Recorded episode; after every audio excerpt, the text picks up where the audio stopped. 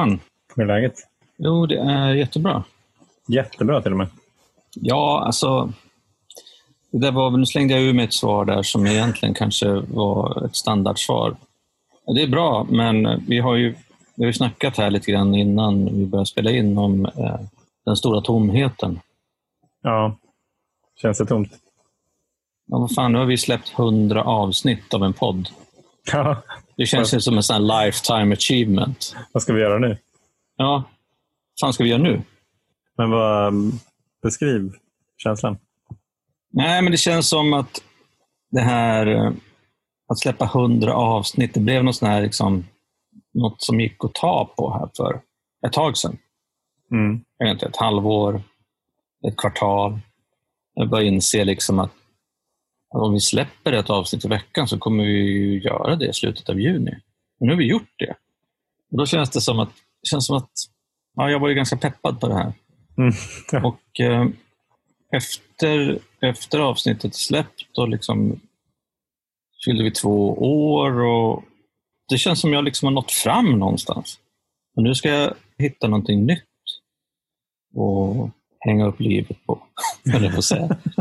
Men vi har ju sagt, precis som du har sagt, du, du brukar säga att det är ett pågående samtal. Mm. Då finns det ju egentligen inga, ingen um, anledning eller ingen nytta med att räkna avsnitt. Eller hur lång tid vi har hållit på eller ska hålla på. Vi är ju liksom, det är ett avsnitt i taget. Vi är ju i detta avsnitt just nu. Mm.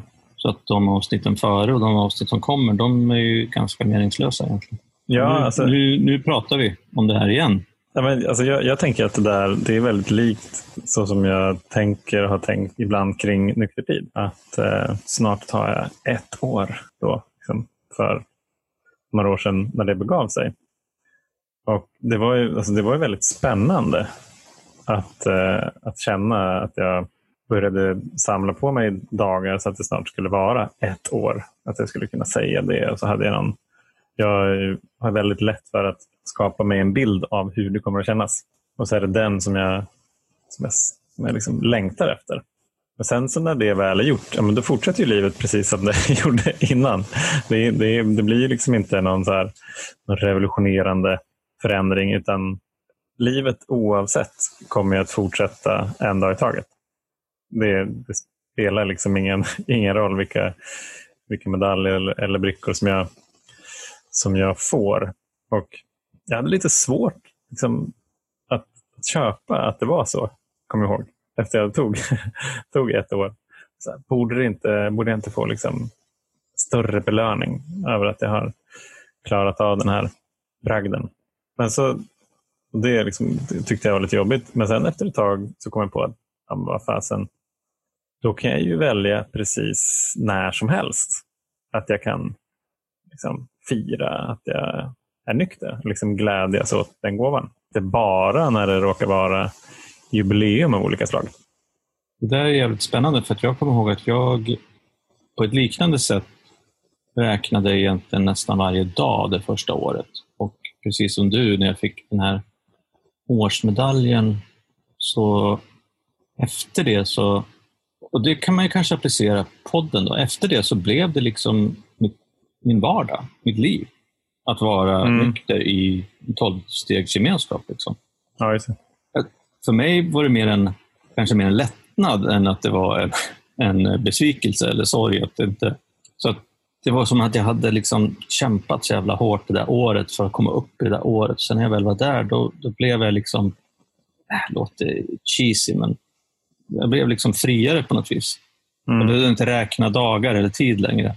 Och så kan det ju vara då med Alkispodden också. Ja, precis. Men- Det kan, ju vara, det kan vara en mer integrerad del av det som görs i våra respektive liv. Men på tal om tid Mm.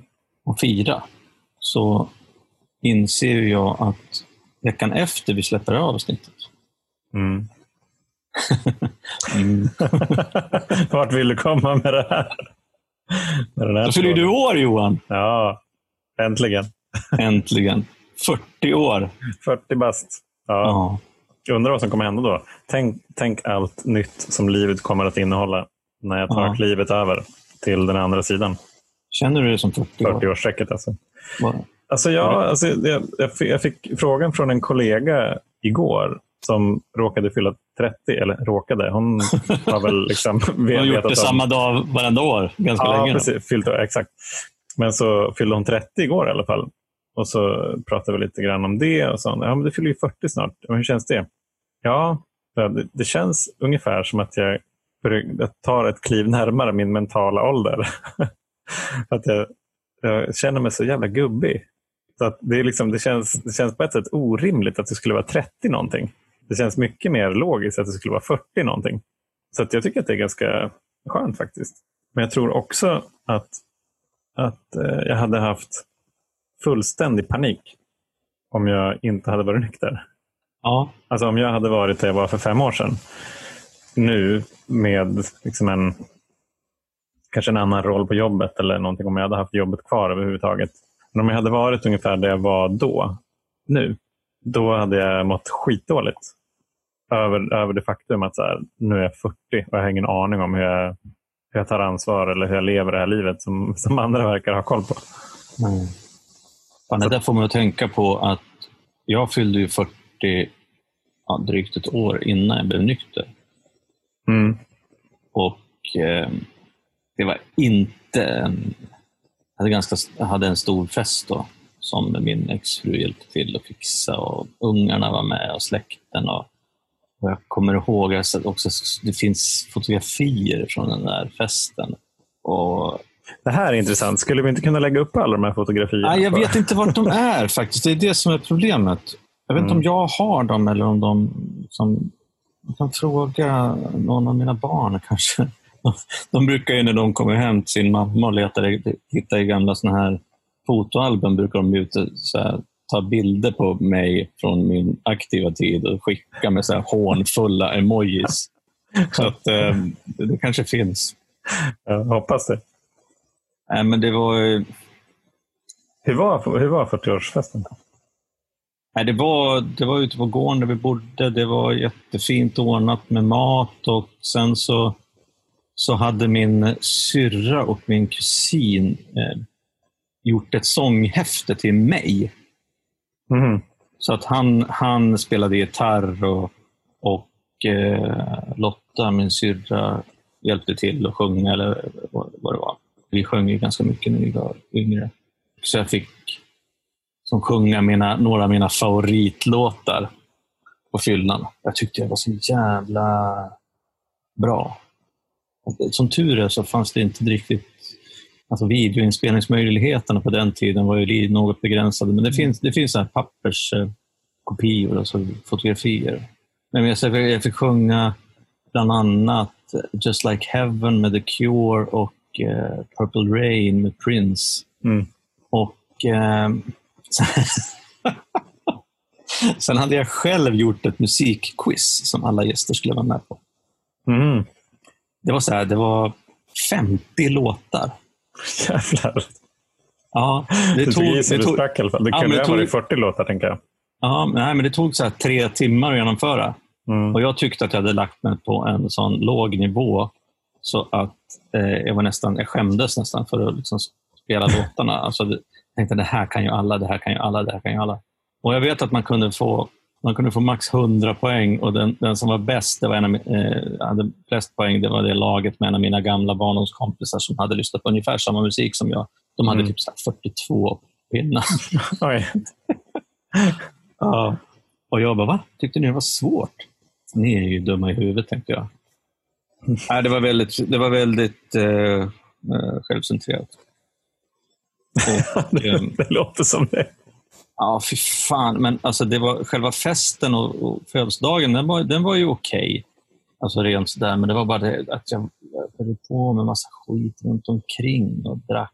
Det var ju som den här sommaren också som jag, jag fyllde år i augusti. En av de här somrarna då jag, jag skulle motionera och gömde ölburkar i buskarna. Ja, och körde bil liksom på fyllan. Och, nej, fy fan. Alltså det, jag mådde inte bra och framförallt så mådde ju liksom inte min familj bra. Fast eh, av det. Men det hade jag väldigt svårt att ta in på den tiden. Min 40-års... Alltså att fylla 40 för mig, det är ganska mycket ångest i det. När jag tänker tillbaka på hur det ja, var. Det låter som det. när jag fyllde 50 då för snart fyra år sedan. Det var ju betydligt finare förstås. Mm. Det, det, då var det ja, jag och Jenny, några kompisar. Sen var det, reste jag bort med liksom, min familj. Det var, det var fint. Men det är, det är konstigt det där med... Det, det går väl lite grann liksom hand i hand det här att vi har en tendens, eller jag har en tendens att hänga upp liksom, saker och ting på så stora bemärkelsedagar. Vi pratar om 100 avsnitt och 40 år och att mm. det ska vara liksom allting ska vara så jävla perfekt. Har det varit så för dig sedan du var liten? Eller när har det kommit? Nej, alltså jag vet inte. Alltså, jag tror att för, för mig så handlar det nog mer om en... Oh, nu kan vi glida in på en annan diskussion som jag har haft med min sponsor här förra veckan. För mig så handlar det nog mer om att faktiskt göra sådana här stora grejer eller se till att ordna saker eller ha, ha liksom, fira för att jag både tror att eh, andra människor vill ha det så och också för att jag vill vara till lags. Mm. Jag skulle ju kanske lika väl ha kunnat göra ingenting. Men jag vet ju, eller vet och vet, jag tror att jag vet att det finns människor runt omkring mig som har förväntningar på att jag ska vara på ett visst sätt eller ordna grejer på ett visst sätt för att annars så tror jag att de inte tycker om mig. Mm. Och Det här är lite anledningen till att jag, jag säger att jag kan prata vidare om det där. Det var att jag, jag var på Jormstegen och då så fick jag uppgift att göra konsekvenslista eh, i första steget. Alltså vad jag hade ställt till med när jag drack. Men jag fick också som en, en eh, add-on fråga. Mm. Att, jag, att jag skulle försöka beskriva hur den där snubben som gjorde de där grejerna, hur han kände sig då. Mm. Ja, okay. Det var intressant. Och jag bara, och det är lite intressant. Jag har ju ställt samma fråga till min sponsor och tänkte att det där kan han väl svara på. Men jag, när jag fick den själv, jag bara, jag, jag har ingen jävla aning.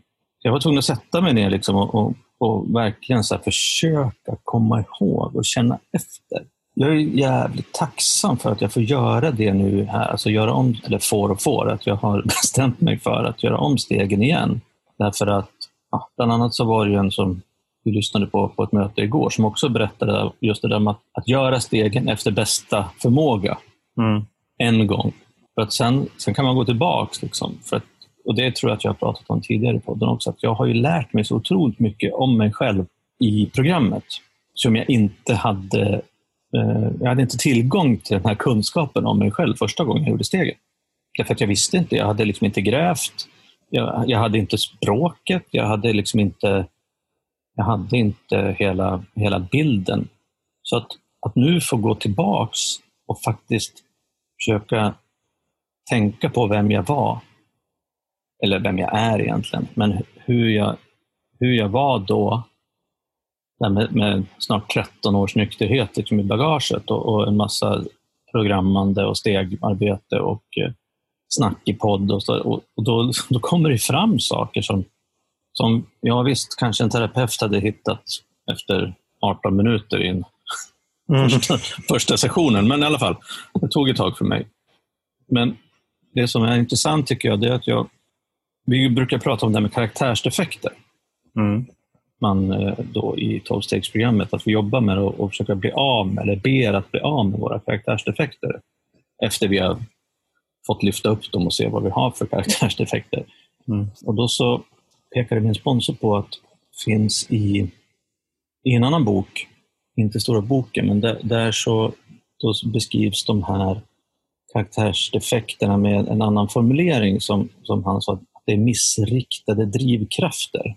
Missriktade drivkrafter? Ja, ja och det är liksom, ja precis. För det är alltså drivkrafter som i mitt fall, då, som jag tolkar det, liksom, kanske inte alltid har varit för andra människors bästa utan för mig själv eller mm. kanske, kanske varit ganska destruktiva. Eller um, ja, men inte, inte så kärleksfulla alltid. Och Det där var väldigt spännande för att jag, jag insåg att jag drevs bland annat av två stora grejer som lite grann står emot varandra. Mm. Den ena grejen är att, att smita undan eller komma undan. Att inte behöva göra saker. Mm. Och den andra eh, drivkraften då är att vara till lags. Att göra människor nöjda eller åtminstone lura dem att tycka att jag är en, en, en bra människa. Så någonstans Mm. där. Och eh, det där, det där får ju kon- konsekvenser för mig, eller har fått. Och även idag då, om jag inte håller koll på det där. Därför att jag kan smita undan grejer jag kunde. Det är mindre och mindre nu för tiden. Alltså tills jag inte kommer undan längre. Mm. Det, och det kan vara allt möjligt. Från att gå ut med soporna till att eh, inte göra grejer på jobbet eller lova vänner och familj att göra saker. Men sen liksom, har de säkert glömt bort. Eller måste jag verkligen göra det där? Och sen när man blir påkommen, då var jag, ah just det. Nej, men jag glömde bort det och så, får jag lösa det på något vis. Och det där är ju, det där är ju jätte... Du är inte stressad? Nej. Det är, Ja, det, det, så- alltså det, det är ju liksom en missriktad drivkraft som gör... Men jag, känner att liksom, ja, men det där har jag lite koll på. Samtidigt så har jag den där att jag vill vara till lags. mm. Jag vill inte göra människor besvikna.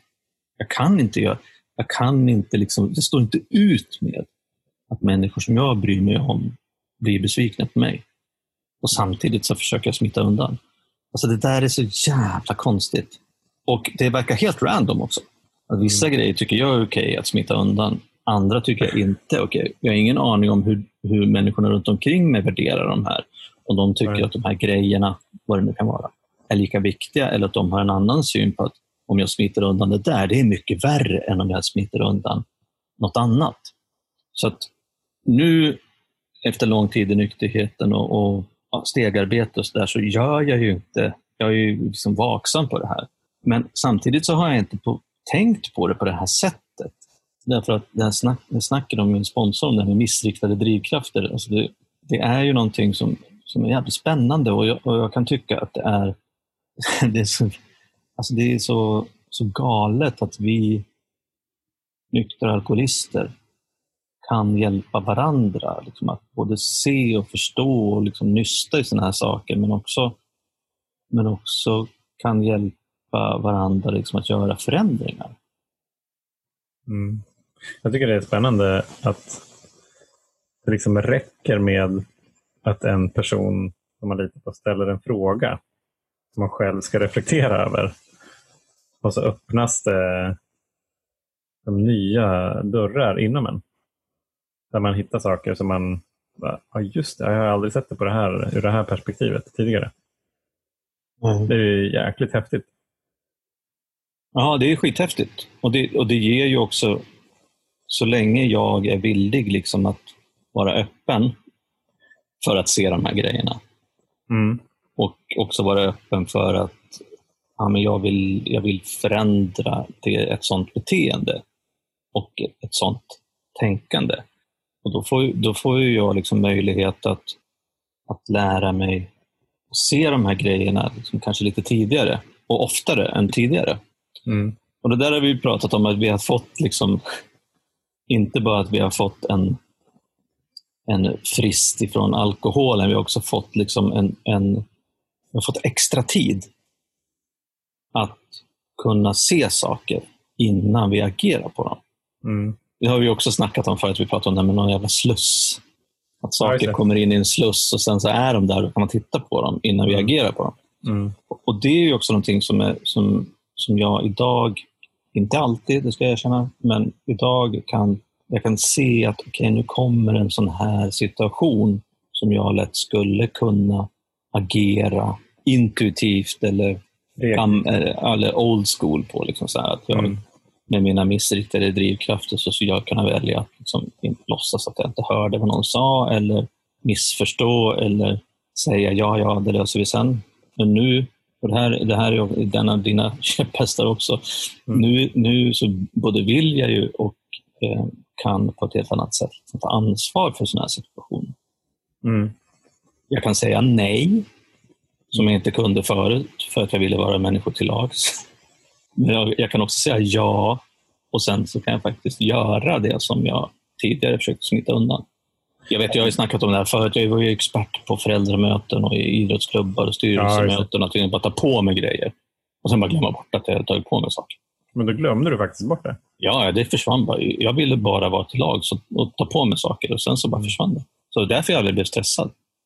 försvann liksom. Men då, det, det är där du har eh, liksom, nyckeln till att inte bli stressad. Om du har tagit på dig mycket grejer, se till att glömma bort det. Ja. Då blir du inte stressad. Perfekt. Jag, fick, eh, jag eh, hade ett möte på jobbet här precis innan. Och där eh, så eh, pratade en del om prioritering. i alla fall. Och eh, då sa min kollega Erik något väldigt klokt att han, ja, men det är liksom många, som, många som blandar ihop prioritering med planering.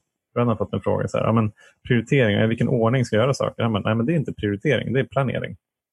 Prioritering, då tar man bort grejer. och jag har nog faktiskt under hela mitt vuxna liv tänkt att prioritering är planering. Mm. Så här, Oj, jag har allt det här att göra. Ja, men liksom, hur ska jag hinna allting? Ja, men jag, jag, får, jag får prioritera liksom, vad jag gör när. Men, mm. men eftersom jag också gärna vill vara folk till lag så vill jag inte säga att jag inte gör någonting. Utan jag ser liksom till att, att jag gör det. Och eh, Det innebär att jag blir, eh, tänker jag då, väldigt effektiv. i mitt sätt. Men, men, men det har ju liksom bara med att jag trycker in mer grejer på, på lika mycket tid. Eller att jag, liksom, eller åtminstone förut, men ibland nu också, att jag liksom jobbar för mycket. Mm. Eftersom jag inte prioriterar. Som jag gör för många saker. Ja. Och, eh, det gav mig verkligen en tankeställare. Att så här, just det, vilka grejer jag skulle bara kunna säga nej till? Ja, och det där, det där är jävligt spännande tycker jag också. Just för att vi har ju pratat om det, här, det viktigaste först. Ja. Alltså, nykterheten är prioriterad för mig. Men fast den är det så agerar jag ju inte alltid på det sättet. Mm. Utan jag, jag, väljer att kanske göra andra saker eller inte göra saker som jag borde göra för att, för att prioritera min nykterhet bara för att jag kanske just nu är på ett ställe där jag tycker att ja, ja, det är väl inte så jävla viktigt. Mm. Ja, men jag har haft en del diskussioner och det finns ju, det finns ju en, utan att generalisera, så kan jag bara genom att prata om eh, vänner till mig, som jag har pratat med det här om också, märka att när en tid in i nykterheten, om jag mår bra, så kan jag plötsligt få för mig att jag ska lägga min energi på andra saker för att jag mår bra. För Det kan vara jobb, mm. eller träning, eller resor, eller relationer, eller alltså vad som helst. Mm. För att det, det verkar ju som att vi har lätt att glömma liksom, att vi har ett ganska problem, en sjukdom som är dödlig. Liksom. Mm. Efter, så länge den inte angriper oss aktivt. Nej, exakt. Den, nu är den liksom vilande ett tag. Då, jag har också lätt att tänka att då är den borta. Mm. Då behöver jag inte göra så mycket. Men, men det, det för oss ju in faktiskt på ett, på ett ämne som jag har tagit upp nu och då i podden och som har kommit upp på möten eh, senaste tiden. Just det faktum att det faktiskt handlar om liv och död. Mm. Det ger, så här, när jag kommer ihåg det, då ger det ett rätt bra fokus. ja, precis. Då, då, då, är det lätt att prioritera. Då är det liksom lätt att sätta det viktigaste först och komma ihåg vad det viktigaste är. Ja, om jag är död, då spelar det ändå ingen roll. Mm. Hårdraget. Jag tycker också det där är svårt. för att, för att eh, Även fast det ur liksom ett fokusperspektiv nog hade varit bra för mig att påminna mig själv varje dag om att, liksom att det är på liv och död, så känner jag också någonstans i mig så här, jag vill kanske ha ett mjukare liv. jag, vill, jag vill gulla lite mer med mig själv. Eh, men jag, jag vet fasen, liksom, jag tror nästan att jag på, på det stora hela skulle må bättre av att så här, ah, men det här är på liv och död. Bra. Då tror jag att mina prioriteringar skulle bli mycket enklare att göra. Sen är det ju svårt att veta också om vi ska... Alltså, vi kanske gör det. Alltså prioriterar det viktigaste först. Undermedvetet eller ja, genom att vi lever det livet vi gör i program och på möten och på podd och sådär. Mm. Lite, för det är också lite grann som jag pratade med min sponsor om, med sponsorn om just det här att han sa så här, det här, och det här är också en jävligt intressant insikt för oss nyktra alkoholister. Vi pratar ju om en sjukdom som är på liv och död. Och du och, även du och jag, vi pratar väldigt mycket om saker och ting som är svåra att hantera. Vi pratar om rädslor och ensamhet och ångest och kontrollbehov och känsloperfektionism och allt möjligt. Liksom så här. Mm. Ungefär som att vi lever på med alltså någon typ av känslomässig stresspåslag hela tiden. För att det här är på liv och död och allting är så jävla svårt. Mm. Samtidigt, så sa min sponsor så här, tänk på hur långt vi har kommit.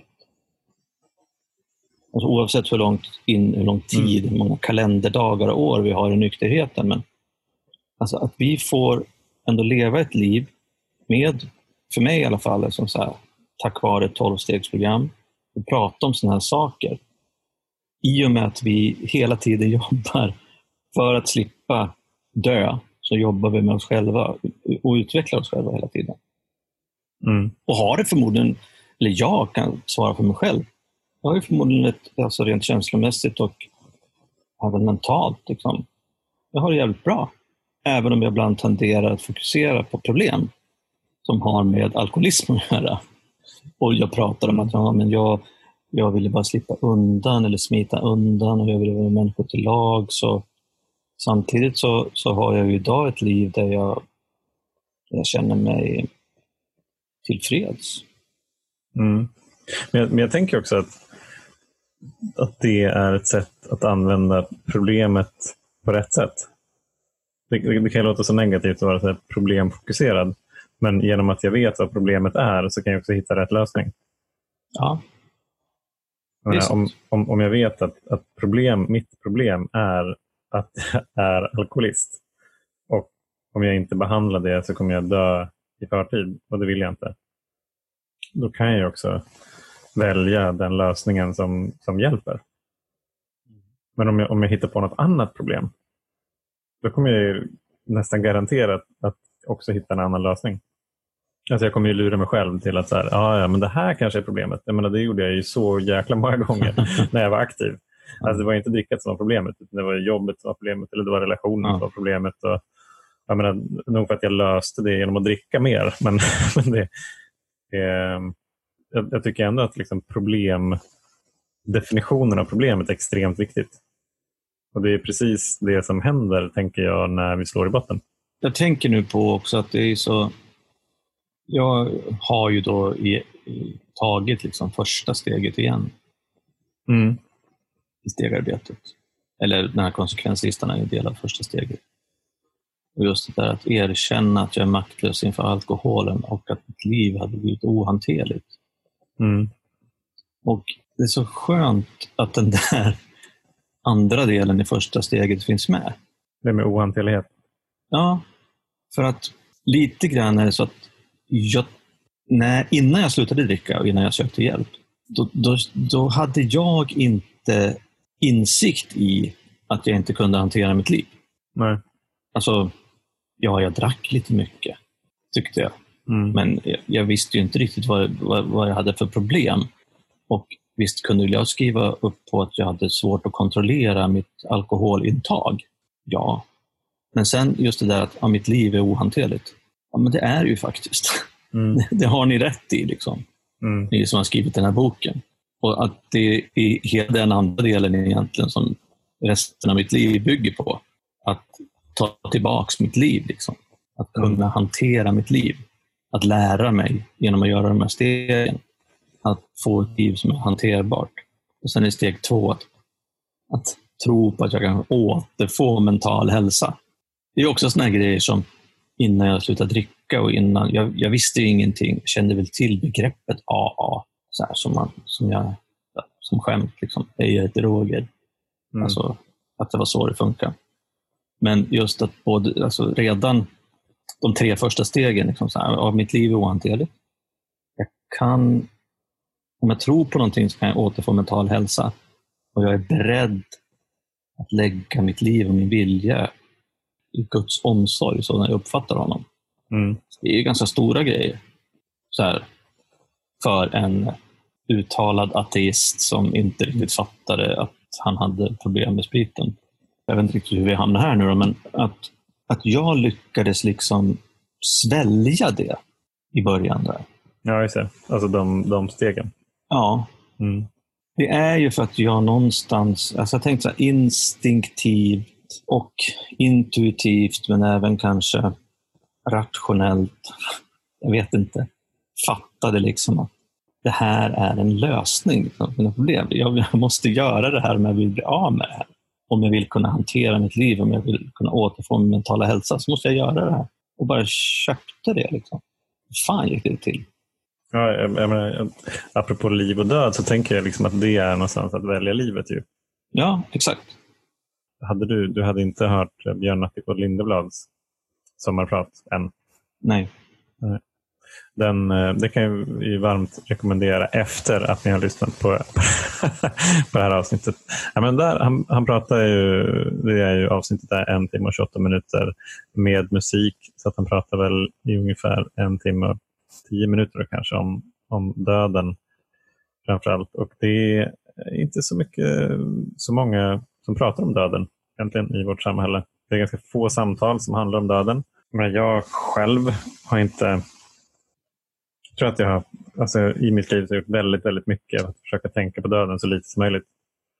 Eh, och det, det har gjort att just döden som, som ämne har känts ohanterligt. Verkligen. Alltså när jag, eh, när jag tänker på att mina föräldrar eh, tänker jag liksom förhoppningsvis dör innan jag dör. Annars så innebär det att jag dör tidigt. Råkar ut för någonting. Eller till exempel att, att Gustav ska dö förhoppningsvis då också innan jag dör det kunde inte jag tänka på ens förut. För att jag kunde känna liksom den här smärtan och sorgen och ensamheten alldeles, alldeles för mycket. Och jag trodde då, eller trodde, jag visste att jag inte skulle hantera det, apropå ohanterlighet. Jag tror att det är så liksom med många av de här ämnena att allt det som jag vet, tänker, tror är ohanterligt, det har jag ju ännu inte möjlighet att hantera. Och döden var ett sånt ämne för mig. Jag har börjat kunna närma mig det nu och jag tror att det, det jag tar med mig av, inte för att liksom berätta vad Björn pratar om, men, men jag tar med mig från sommarpratet är att ju mer naturlig liksom, döden är i livet, desto närmare är jag livet. Jag tror att jag, att jag får, apropå att prioritera, lättare att prioritera. Jag tror att liksom, små saker eh, försvinner och de viktiga sakerna blir större. Och att liksom, välja att vara närvarande till exempel. I det, som, I det som är, i de relationerna som är viktiga. Jag satt uppe på Mosebacke med, med Josefina i söndags här och vi satt i varsin sån solstol som man får låna på fiket. Jag hade solglasögon på mig och bara störtgrät. Eh, tårarna bara rann och Josefina satt också och lyssnade på någonting så att hon såg efter ett tag bara, vad, vad är det som har hänt? jag lyssnade på Björns Björns sommarprat och då förstod hon väl, även fast hon inte hade hört det själv. Det var väldigt, eh, det var väldigt fint och en, och en påminnelse om vad som är viktigt på riktigt och hur mycket, eller kanske hur lite, vi faktiskt vet om mm. saker och ting. Så i princip liksom allt som han, som han sa kan jag känna igen på olika sätt från, från programmet och från tillfrisknandet och från liksom samtal som jag har med personer som är närmare liv än vad jag har varit förut. Och det var, jag var liksom rädd för att lyssna på det här avsnittet. För jag vet ju att jag för några år sedan skulle ha haft svårt att göra det. Men eh, nu gick det faktiskt ganska bra. Jag kände mig, eh, jag kunde känna liksom sorg, jag kunde känna ledsamhet, men jag kunde också känna glädje och tacksamhet. Det är också viktigt, tänker jag, att jag förstår att jag kan känna alla de där sakerna samtidigt. Att det inte är någon form av antingen eller. Det blir så dualistiskt på något vis. Utan så här, mitt sinne, eller vad det nu är, mitt väsen kan, kan omfamna flera olika, till synes motstridiga känslor samtidigt. Och Det är ju någonting som jag kan känna igen i att jag har också fått lära mig att träna på i och med tillfrisknandet i omstegsprogram. Just det där att både vara i känslor och att jag inte bara behöver tillåtelse att känna de positiva känslorna, men även de, de jobbiga känslorna och faktiskt, precis som du säger, även samtidigt. Hörru du Johan, Du får en uppgift att försöka sammanfatta det här eh, snacket på 30 sekunder. 30 sekunder. Oj, vad har vi pratat om? Eh, ja, vi har ju pratat om att det faktiskt är på liv och död tillfrisknandet och att det i sig är liksom någonting som är en förutsättning för ett, eh, ett aktivt tillfrisknande, tänker jag. Att om jag. Om jag kommer ihåg det, då kommer jag göra det där valet som är viktigt att göra varje dag. Och för min del så handlar det också om att jag prioriterar och med det betyder också att jag faktiskt inte gör saker. Till skillnad då från planering, ja. som handlar om i vilken ordning jag gör saker och ting. Men, och, jag, och för mig så innebär det där, alltså så här, när, jag, när jag skalar bort saker, när jag skapar utrymme för, för liksom tomhet, när jag skapar, jag skapar ett rum där, där liksom känslor kan uppstå, där, ehm, där eh, jag vet inte, alltså händelser kan, kan hända. Det är där liksom livet kan uppstå. Det, det blir på något vis här ett utrymme för kreativitet.